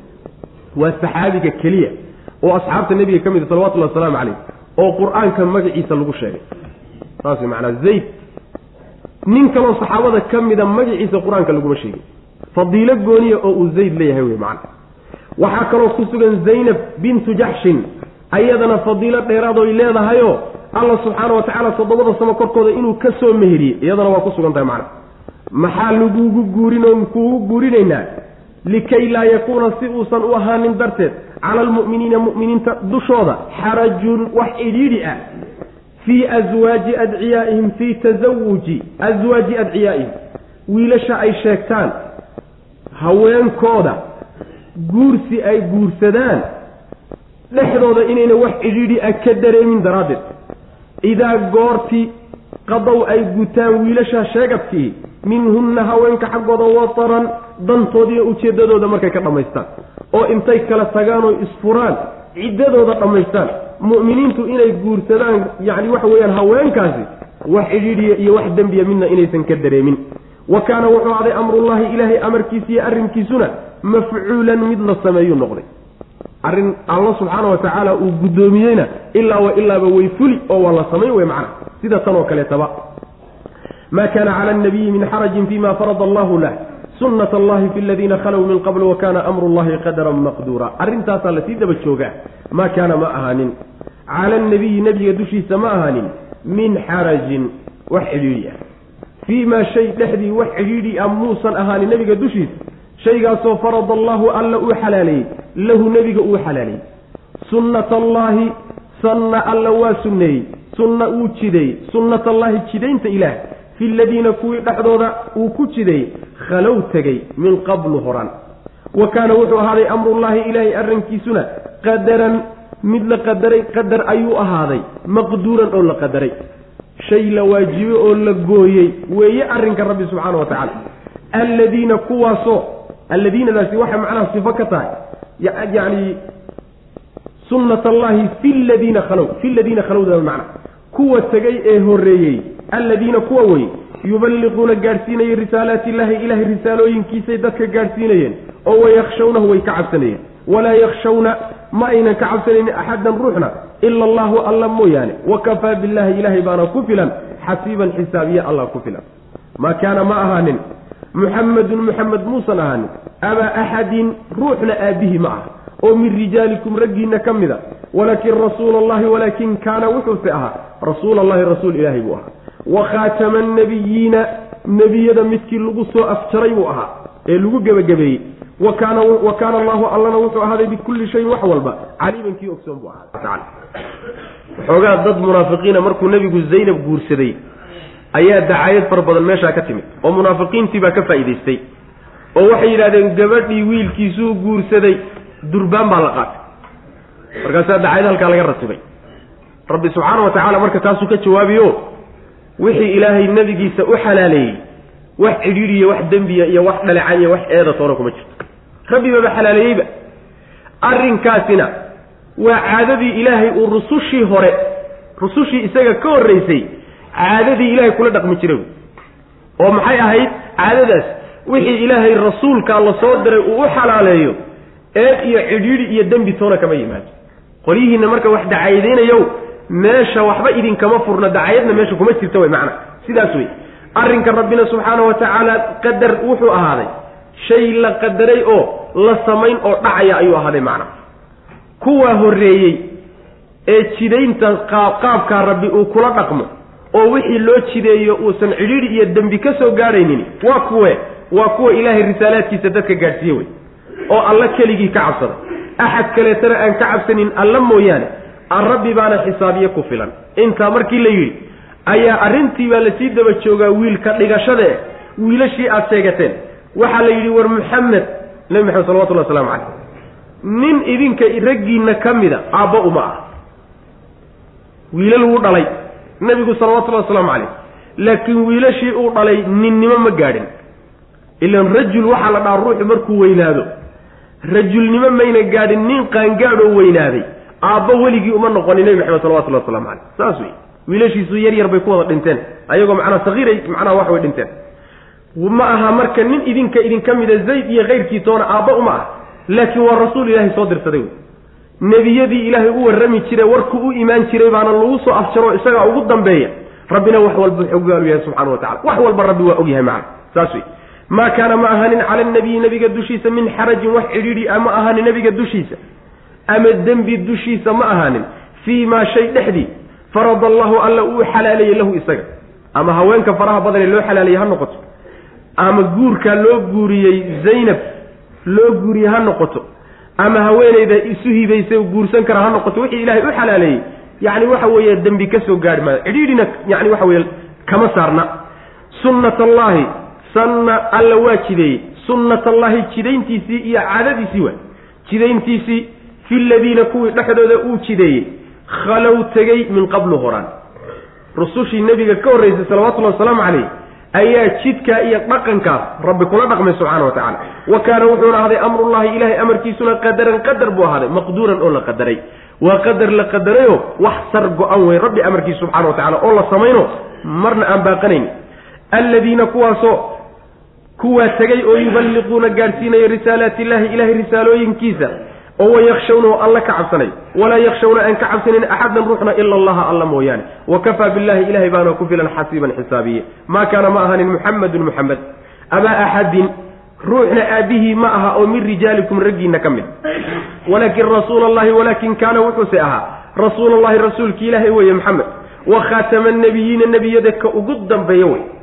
Yacni waxa weye nebi ka dambeeya ma jiro nebi maxamed salawatullahi waslamu caleyh nin alla ninkii nebi baan ha yidhaahdee ka dambeeyaay waa beenale wey macna. Sidaa nebigeenna axaadiista ku cadday qur'aankuna waa kan caddaynaya oo nebigu wuxuu yihi salawatullahi wasalaamu caleyh aniya nebiyadii hore markii laysu kaana fiiriyo waxaan la mid ahay buu ihi sidii ninkii tusaalahanagu wuxuu la mid yahay sidii nin guri dhisay oo kale. Gurigii markuu dhismaha u dhammaystiray oo aada u qurxiyey ayuu wuxuu ka tegey meel yar oo bulkeeti u geli karo ayuu ka baneeyey dadka marka gurigay ku wareegahayaan oo fiirfiirinahayaanoo war qurux badana meeshaa yarta haddii laga awdi lahaa alla muxuu quruxsan yahay bay leeyihi bulukeetigii meeshaa lagu xidhay baan ahay buu nebigu salawatullahi waslamu caleyh saas way macana meel dambe oo furan oo nebi dambe la geliyo ma jirto marka. Waa xidhantaa waa isxidhay ninkii marka nebi baan ha yidhaahda bacda rasuulillahi sal alay wasalam waa beenaale way macana sidaas wey rag badan oo ka dambeeyey baa jiro nebigaaba sheegayba inay soo bixi doonaan soddon iyo ka badan oo nebi wada nebinimo wada sheeganay. Ummadda dhexeeda inay ka soo bixi doonaan. Saas wey wa kaana allahu allana wuxuu ahaday bikulli shayin wax walba caliiman kii xogogaal u ah kii og buu ahaday rabbi subxana wa tacaala. Yaa ayuha aladiina kuwa aamanuu rumeeyeyo udkuru llaha alla xusa dikran xusitaan kaiiran oo fara badan wasabbixuuhu alla nazaha oo xumaan oo dhan ka fogeeya bukratan niska hore waa asiilan iyo galabtiiba. Huwa alle alladii midka wey yusallii calaykum idiin naxariisanaya wa malaa'ikatuhu malaa'igtiisuna waa idiin ducayn. Liyukhrijakum suu idinka saaro. Min adulumaati mugdiyada suu idinka saaro. Ila annuuri iftiinkana idinku saaro ayuu rabbi idinku naxariisan. Wa kaana wuxuu ahaaday rabbi bilmu'miniina mu'miniinta raxiiman midkii u naxariisanay taxiyatuhum mu'miniinta salaamtoodu yowma maalin yalqawnahu ay rabbi la kulmayaan. Salaamta rabbi uu salaami salaamun nabadgelyo wey saasuu rabbi ku salaami subxana wa tacala wa acadda alla waa diyaariyey lahum iyaga. Ajran abaalgud buu u diyaariyey kariiman oo wanaagsan. Dadka mu'miniintoohow ilaahay xusa xusitaan fara badan xusa. Yacni xaalooyinkiinoo dhan ilaahay xusa wey macana oo carabkiina digriga ilahay ha ka dhigina. Saas wey nin baa nabigeenna u yimi salawatullahi wasalaamu caleyh markaasaa u yihi nebiyow sharcigii waa igu batay oo axkaamtii igu badatay bal hal shay oon ku dhego un ii sheeg wax badan qaban kari maaye. Markaasaa nebigu wuxuu ku yihi salawatullahi wasalaamu caleyh laa yazaalu lisaanuka ratban bidikri illah carabkaagu dikriga ilaahay inuu ka qoyan yahay yuusan ka zuulin buu nabigu ku yihi salawatullahi waslamu caleyh saas way macana marka waxa weye daakiriinta ammaantoodiina waa inagii soo marnay marka ilaahay dikri badan xusa wakti walba ah laba wakti oo muhima haddana gooni loo xusayo waxaad rabbi nasahdaan oo xumaanta ka huftaan oo subxaana allahi aad tidhaahdaan niska hore iyo niska dambe waa aroortii iyo galabtii wey macnaha labadaa xilli bay si gooniya yaa xusiddu macnaha u sii wanaagsan tahay oo u sii ajir badanta. Allah subxaana wa tacaala yusallii calaykum uu idiin uu macnaha yusallii calaykum salaada xagga rabbi markii ay ka imaanayso. Waxaa laga wadaa alla wuu idiin naxariisan oo wuu idin barakayn oo wuu idin ammaani. Intaasaa isla socota malaa'igtu salaada aynugu salliyaysana waa ducada aynuu ducaynayso. Oo waynu tegi doonaa iyagoo malaa'igtu ducaynayo oo odhanaya ilaahu u dembi dhaaf dadka mu'miniinta ah. Suuratu fusilad iyo keyrkood baan keyrkeedaan ugu tegi doonaa marka ducadaas ay inoo ducaynayaan baa laga wadaa salaada malaa'igta. Ta rabbina waxaa laga wadaa naxariista uu inoo naxariisanayo alla wuu idiin naxariisan malaa'igtiisuna way idiin ducayn maxaasaa uu u yeeli inuu mugdiyaalka jahliga iyo gaalnimada idinka saaro oo cilmiga iyo iimaanka nuurkooda idiin saaro allana dadka mu'miniinta midkii u naxariis badan wey. Maalinta ay rabbi la kulmayaan salaamta xagga rabbi kaga imaanaysae rabbi uu salaami salaamun wey macna. Dushiina nabadgeliye ha ahaato waa laydin nabadgeliye wey macna. Xumaan o dhan maanta waad ka nabadgeshantihiin wanaag mooyaane rabbina wuxuu u diyaariyey abaalgud wanaagsan buu u diyaariye waa jannada rabbi subxaana wa tacala yaa ayuha aladiina kuwa aamanuu rumeeyayow udkuru llaha alla xusa dikran xusitaan katiiran oo fara badan wasabbixuuhu alla nazaha oo ceeb iyo xumaan iyo waxaan u qalmin oo dhan ka hufa bukratan aroortii iyo wa asiilan galabtiiba huwa alle alladii midka way yusallii naxariisanaya idin ammaanaya idin barakaynaya calaykum dushiina wa malaa'ikatuhu wa tusallii malaa'ikatuhu malaa'igtiisuna iyaduna way idiin ducayn liyukhrijakum siuu alla idinka saaro min adulumaati mugdiyaasha jahliga iyo shirkiga ila annuuri cilmiga iyo iimaanka nuurkooda siuu idinku saaro. Wa kaana wuxuu ahaaday rabbi bilmu'miniina mu'miniinta raxiiman midkii u naxariis. Raxiimantaasi mu'miniin mooyaane gaalada kuma soo aroorin rabbi inuu raxiim u yahay. Saas daraaddeed baa culimmadu waxay yidhahdaan raxiim raxmadda khaaska ah ee mu'miniinta rabbi ugu talagalay bay ku tusi. Raxmaan laakiin waxay ku tusaysaa naxariista guud ee gaal iyo mu'minba ay ka wada cabayaan saasay macnaha la yidhahda taxiyatuhum mu'miniinta salaamtooda la salaamayo. Yowma maalin la salaamayo yalqownahu alla ay la kulmayaan. Waa maalinta qiyaamade. Salaanta rabbi uu salaamayo iyaga. Salaaman salaamun qawlan min rabbi raxiim soomay yani salaam xagga rabbi ka timid wey ama iyagaa isa salaamaya. Salaamtoodu waxa weeye maalinta ay rabbi la kulmayaan salaamun wey salaamun calaykum wa acadda alla waa diyaariyey lahum iyaga ajran abaalgud kariiman oo wanaagsan yaa ayuha nabiyu kan nebiga ohow innaa anagu arsalnaaka annagaa ku dirnay shaahidan adoo markhaati ah oo ummadda ku markhaati kici. Wa mubashiran adoo bishaareeye ah oo ummadda u bishaarayn dadka mu'miniintaa janno iyo naxariis rabbi ugu bishaareen wa nadiiran adigoo diga ah oo gaalo iyo munaafiqiin uga digi iyo cusaada ciqaab alle. Wa daaciyan adoo yeedhay mid yeedhaya ah ilallahi xagga alle ugu yeedhaya dadka biidnihi idanka ilaahay iyo ogolaanshihiisa uu ku ogolaaday iyo fasxiisa dadka ugu yeedhi. Wa siraajan xaal aad tahay faynus lagu ifsado muniiran oo wax ifinaya faynus mugdiyada lagu iftiinsadayo iftiinkii dadka u iftiiminaya adoo ah. Wabashir u bishaaree nebiyo almu'miniina. Mu'miniinta waxaad ugu bishaaraysaa bianna lahum inuu u sugnaaday min allahi xagga alle xaal uu ka ahaaday. Fadlan dheeraad inay leeyihiin kabiiran oo weyn dheeraad weyn inay agtiisa ku leeyihiin mu'miniinta ugu bishaaree walaa tudic hana adeecin alkaafiriina gaalada ha adeecin waalmunaafiqiina kuwa uurka gaalada ka ah. Munaafiqiinta wadac ka tag nb nebiyow aadaahum dhibkooda iska dhaafoo ka tag. Watawakal tala saaro cala allahi alla dushi wakafaa billaahi ilaahay baana ku filan wakiilan.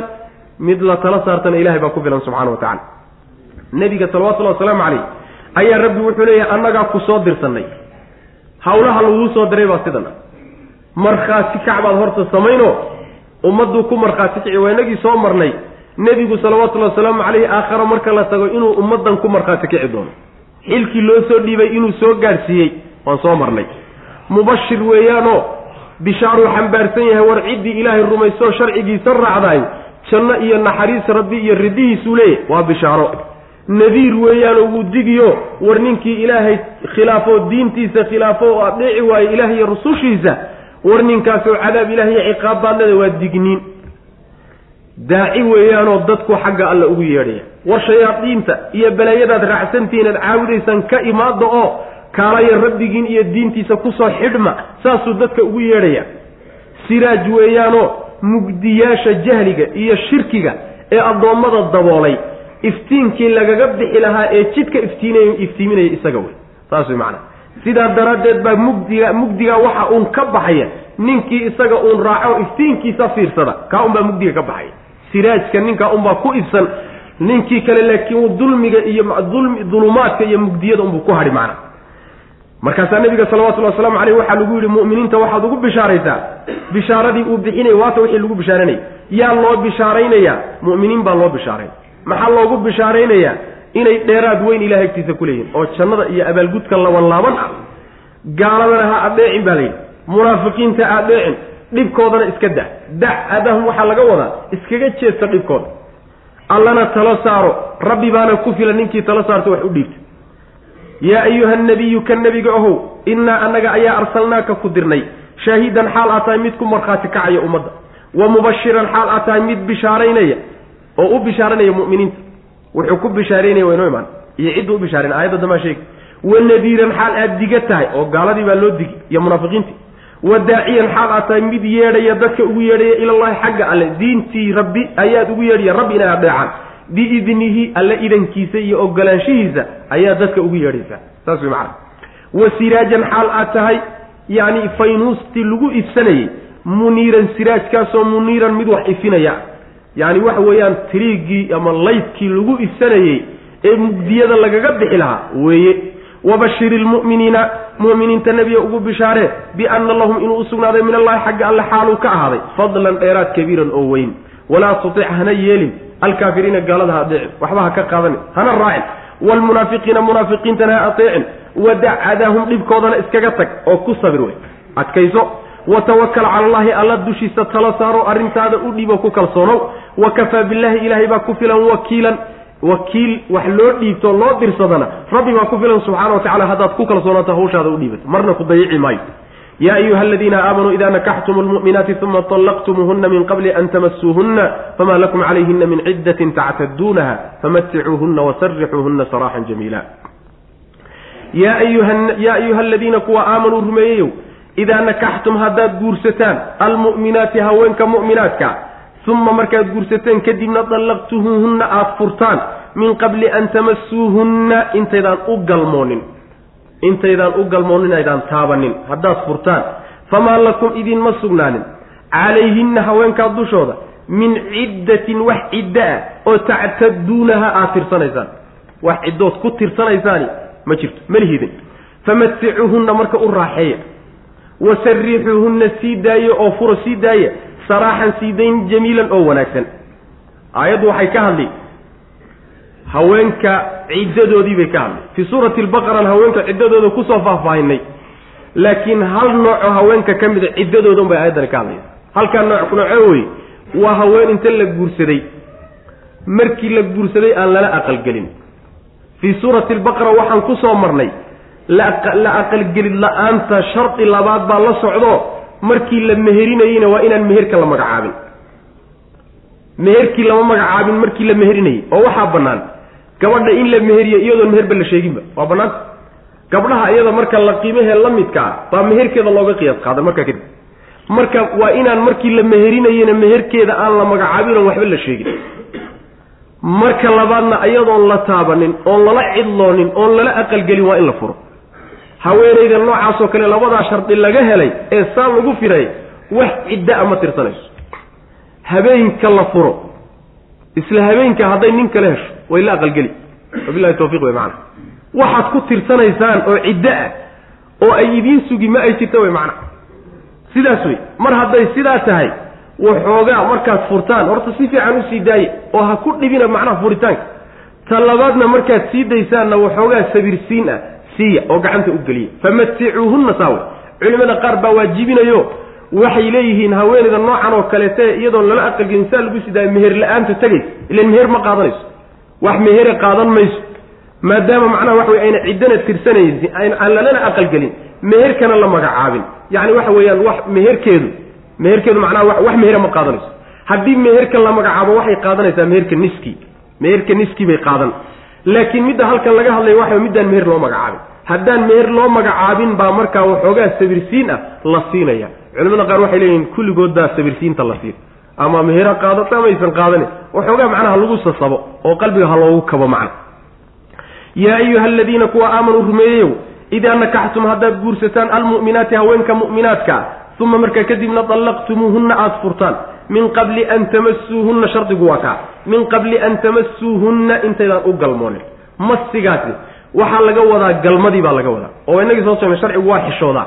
Oo galmadii iyo waxyaalaha ku saabsan afka laguma macnaha waxa weeyaan ballaadhiyo waa laga warwareegaa. Taabashaa laga cabiraa macna. Intaydaan taabanin haddaad furtaan waxay culimmada qaar ka mid a la aqalgalka iyo galmada waxay kala mid dhigaan hadduu la khaali noqdo oo la cidloodo. Qol hadday keligood isla galaan iyagoo isu mehersan khalaas ama u galmoodo ama isuun u galmoon saas way macna. Masi baa laga soo qaadaya sidaa culimada qaar ka mid a qaba famaa lakum idinma sugnaanin haweenka noocaasa calayhinna dushooda min ciddatin wax ciddaa oo tactaduunaha aad ku tirsanaysaan. Ciddo aad tirsataan malihidin raggiyow oo ciddo ku tirsan mayse habeenkaas furtaba hadday macnaha waxa weeye damacdo nin kale guursan kartaa oy la aqalgeli kartaa. Famaticuuhunna haweenka noocaasa marka u raaxeeyo oo waxoogaa siiya waxoogaa siiyadani macnaha waxa weeye waa haddaan meherka loo magacaabin. Haddii meherka la magacaabin niskibay mudanoo iyada fii suurati albaqara ku soo marnay.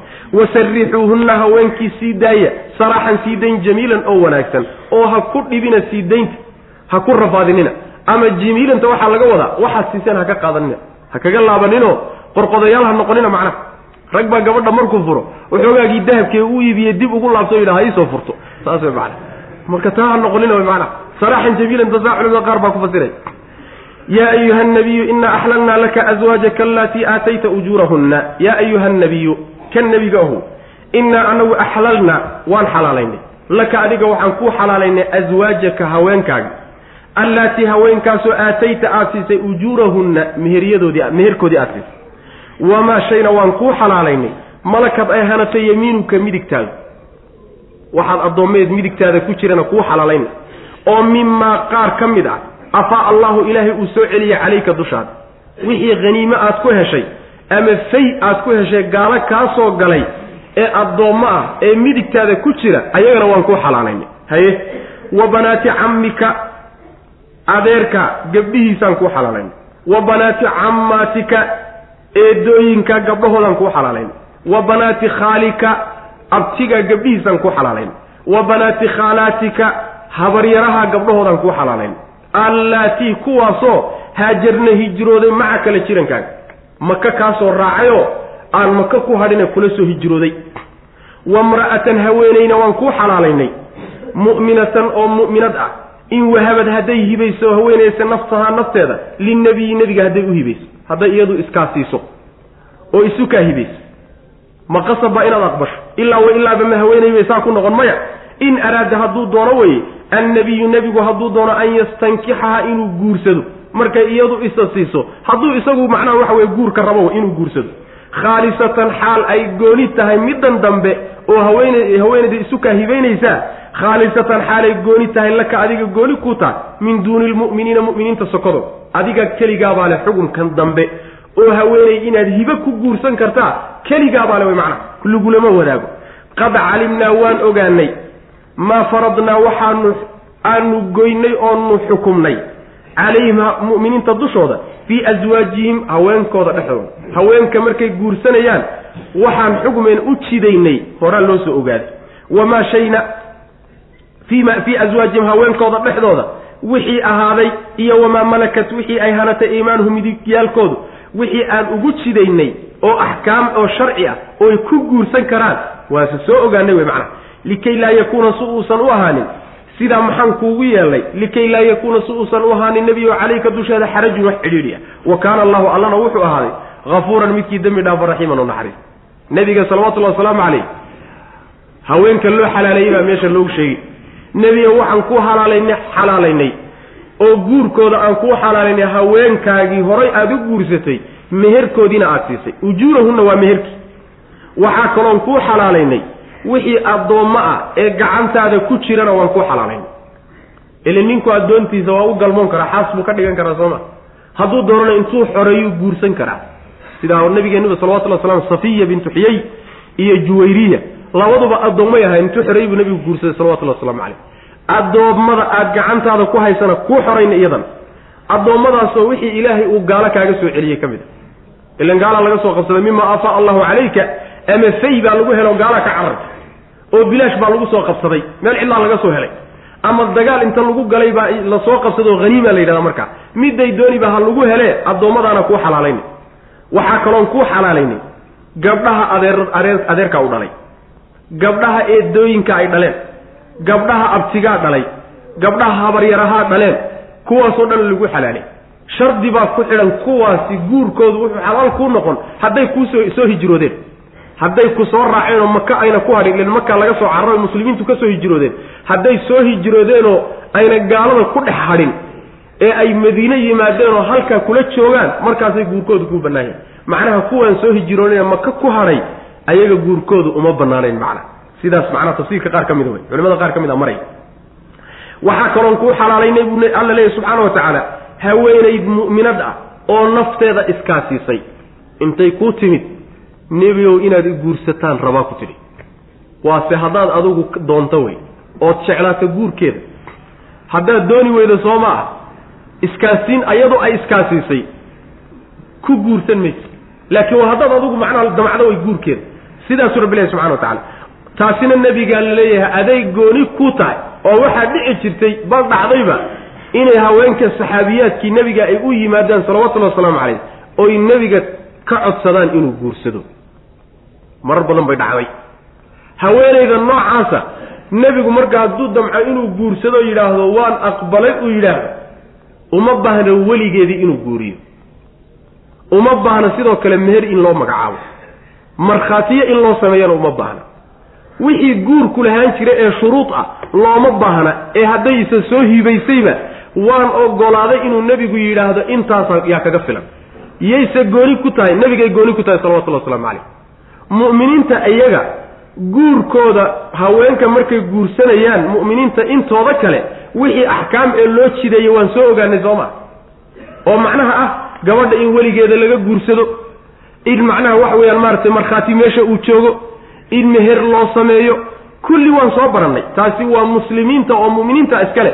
Laakiin gabadh isu soo kaahidaysay waan aqbalay oo sidaa aad ku guursatahay adiga keligaa unbay gooni ku tahay baa nabiga laleeyahy salawatullah waslamu caleyh xukunkaasi marka nebigu khaas ku aha salawatullahi waslamu caleyh waxaasaa loogu yeelayaa oo intaasoo dhan nabiga loogu baneeyo o loogu xalaaleeyey in cidhiidhiga laga dulqaado. Wax cidhiidhiya inuusan dushiisa ahaanin oo dembi uusan waxba macnaha ayna ka soo raacin oo loo waasiciyo yaa saa loo yeeli allana subxana wa tacala addoommadiisa uu dembi dhaafayo waa u naxariistaa yaa ayuha nabiyu ka nebigohow innaa anagu axlalnaa waan xalaalaynay laka adiga aswaajaka xaasaskaagii baan kuu xalaalaynay allaatii xaasaskaasoo aatayta aada siisay ujuurahunna ujuurtu waa meher meherkii waa. Meherkoodii meheradooda aada siisay wamaa shayna waan kuu xalaalaynay malakat ay hanatay yamiinuka midigtaadu. Yacni adigu aada leedahay unbaa laga wada waxa milkigaaga ku jiraa la yidhaahdaa malakat yamiinu. Waxay midigtaadu hanatayna waan kuu xalaalaynay oo mimaa shay ka mid a afaa allahu ilaahay uu soo celiyey calayka dushaada uu ku soo celiyey oo gaalo kaaga soo celiyey gaalo uu kaaga soo celiyo haweenkaa macna wa banaati cammika adeerkaa gabdhihiisana waa lagu xalaaliyey. Adeerkaa gabdhihiisa. Tan waan la qabnaa. Oo adeerka gabadhiisa waa la guursan karaa. Abtiga gabadhiisana waa la guursan karaa. Soomaalida qabaaisha qaarkood yaa waxay yaqaanaan jilib kore oo shaqaba isku lahayn waxa la yidhahdo walaaladna isma geyno. Markaasaa qaabkii sidii laba wada dhasho oo kaleeta loo wada seexano guriga loo wada joogiyo cuntada loo wada cuniyo waxa ka dhacaya aad la yaabaysaa macana isma geynaa lagu leeyay war waxba iskama kiingelin gabadha adeerkaa dhalaad guursan kartaa saas way macnaha ajnabiyad wey haween macnaha. Adeerkaa gabdhihiisaad guursiyaan ku banaynay eedadaa gabdho wa banaati cammika cammaati ka dhig. Eedadaa gabdhaheedana waan ku banaynay wa banaati khaalika abtigaa gabdhihiisaan ku banaynay. Wa banaati khaalaatika habaryaraha gabdhahoodana waan ku banaynay gabdhahay dhaleen. Allaati haweenkaasoo haajarna hijrooday macaka la jirankaaga oo maka kaa soo raacayo aan gaalada ku dhex hadhin. Wamra'atan haweeneyna waan kuu banaynay guurkeeda. Mu'minatan haweeneydaasoo mu'minad ah. In wahabad hadday hibayso haweeneydaasi nafsaha nafteeda linnebiyi hadday u hibayso iyadu iskaasiso wey macna. Oo ay ku tidhahda nebiyow iguurso waase goorma. In araada hadduu doono weeye annabiyu nebigu sal lay slam an yastankixaha inuu guursado hadduu doono wey isagu hadduu bogo ilan qaar buu diiday nebigu iguurso intay ku dheheen. Oo nebigu sal lay waslam intay u timid haweeney nebiyow iguurso kor intuu ufiiriyey hoos u fiiriyey. Yuu nebigu sal alay wasalam ka jeedsaday cabaar markay meesha taagnay. Yaa nin kaloo saxaabada ka mid ah wuxu nebiyo aniga maad igu meheris hadday adiga aada guurso wey markaasaa nebigu wuxuu yihi salawatullahi wasalaamu caleyh maxaad haysataa xoolo? Maxaad ku guursan bu ihi gabadha wuxuu yidhi nebigo laba calal baan qabaa xoolo. Go' kore iyo mid hoostaan ka xidho hadda waayahe maxaad ku tari buhi marka. Haddii aad labada go' midkood furto adigii baa qaawanaan. Haddii aad iyada haddii iyada macnaha waxa weye adigu aad xidhatana iyadii baa qaawanaan. Markaasaa nebigu wuxuu ku yihi inta un hayaa buui qur'aanka ma xifdisan tahay buu nebigu ku yihi salawatullahi waslamu caleyh haabu qur'aanka intaad ka taqaano heble iyo heblaan ka aqaana intaasaan kugu meheriye kacla tag baa lagu yidhi.